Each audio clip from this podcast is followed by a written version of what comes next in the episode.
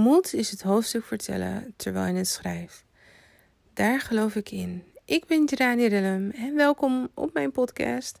Ik hoop je te bemoedigen met verhalen over mijn leven, over dingen die ik heb meegemaakt of nu ook meemaak.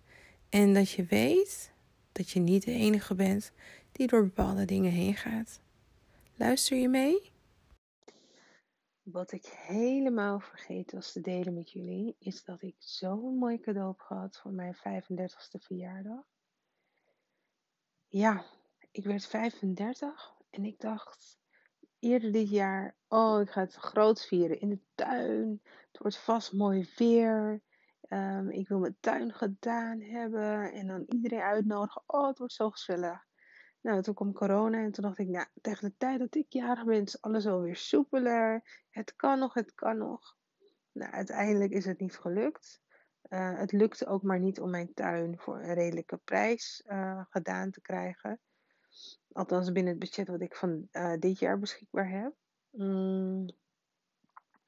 En daarnaast, um, dus op een gegeven moment heb ik besloten van, nou ja, weet je wat, ik heb er allemaal geen zin in. Ik vier het alleen, gewoon met ons, het, zeg maar het gezin, dus hè, met mijn moeder, mijn vader, mijn stiefvader en mijn broers. Um, en nou goed, een van mijn broers heeft al een vriendin, dus Aanhang. Um, en Trey, of course, niet te vergeten. um, dus zo gezegd, zo gedaan. Mijn moeder zei, wil je dat ik voor je kook? Ik zei, ja, graag. Dus mijn moeder had voor me gekookt.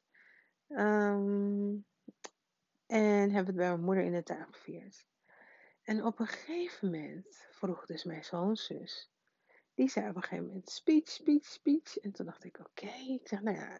Dus ik gaf mijn speech. Ik weet niet meer wat ik had gezegd. Maar wat ik wel heb herinnerd, en gelukkig hebben ze het allemaal opgenomen, is dat ze zei: Ja, nu moet iedereen een speech geven voor jou. Je wordt 35, het is echt speciaal. En toen dacht ik: Oké, nou, is een beetje buiten de comfortzone van ons allemaal. Maar iedereen gaf dus een speech, lang en kort. Um, ik had het bijna niet meer droog bij mijn moeder, maar mijn moeder die geeft wel vaker bemoedigende woorden. En um, toen kwam mijn stiefvader. Nou, wat een cadeau. Want wij konden niet altijd door één deur vroeger. Toen, uh, toen hij en mijn moeder nog samen woonden. En uh, toen ik jonger was, rond mijn veertiende. Uh, rond mijn veertiende. Oh jee, oh wat botsten wij wel. Maar hij gaf echt van zijn kant, zei hij eigenlijk, bood hij zijn excuses aan. Want ja, ik was nog kind natuurlijk. Nu ik erover nadenk. En uh, ik vond dat zo mooi. Dat bracht echt diepere heling in, ja, in alles eigenlijk. Ja, want je bent toch bijgedaan als kind, hè? Als je dan toch dat het thuis niet lekker loopt, om het maar even zo te zeggen. Nou, toen kwam mijn vader. En toen hield ik het niet meer droog. Mijn vader heeft zijn excuus aangeboden dat hij er niet voor me was in mijn jeugd.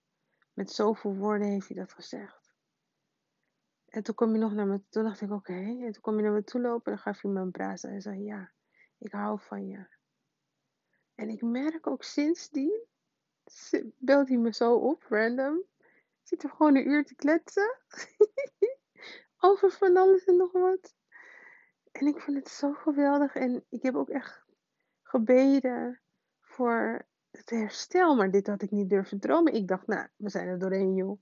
Het is allemaal klaar. Maar na dit dacht ik, oh, er zat nog wat. Er zat nog wat. Soms als, je, als een wortel zo diep is, dan moet die helemaal eruit. En dit was het mooiste cadeau. En nu denk je, waarom begon ze nou over die tuin, het tuinfeestje in haar eigen tuin? Nou, deze twee mannen hadden, hadden echt nooit gezegd wat ze hadden gezegd. Ehm, als er meer mensen aanwezig waren geweest dan alleen wij als gezin. Want dit zijn niet mannen die um, ja, dat, dat zo zouden doen. Ze zijn nogal teruggetrokken. Uh, speechje, nou, dat was er echt niet van gekomen. Dus toen dacht ik, de volgende dag, dacht ik, wauw, heer, dat is wel echt het mooiste cadeau. Dat tuinfeest kan ook met 36 of 37. Weet je, dat hoeft niet per se met 35. Dat komt wel goed. Ja, dat was het mooiste cadeau. Wil ik even met jullie delen dat God, wanneer je, je denkt dat, dat je alles hebt gezien, God blijft je verbazen. Maar ook hij, hij, hoe moet ik het zeggen? Hij, hij, um, he cares about your heart.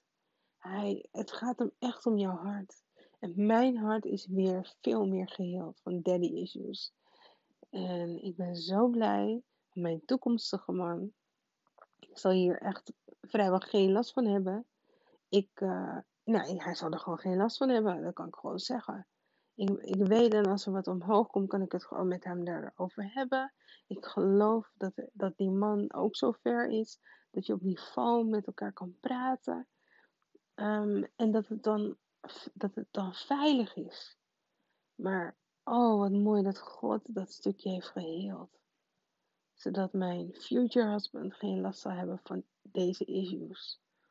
Oh, daar ben ik zo blij om. Nou, dat wil ik even delen. Het is zo goed om. En weet je waar het allemaal is begonnen? Het begon bij mij in 2011.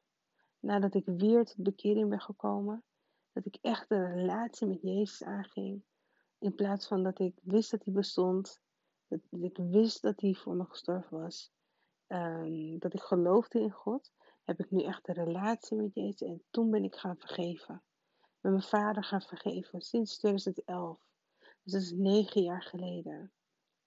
En dan kan je nagaan dat iedere keer als je vergeeft, vergeef je meer en meer en dieper en dieper. En op een gegeven moment merk je dat je loskomt van die wortel van bitterheid eigenlijk. Uh, die wortel van afwijzing, die gaat eruit omdat je vergeeft.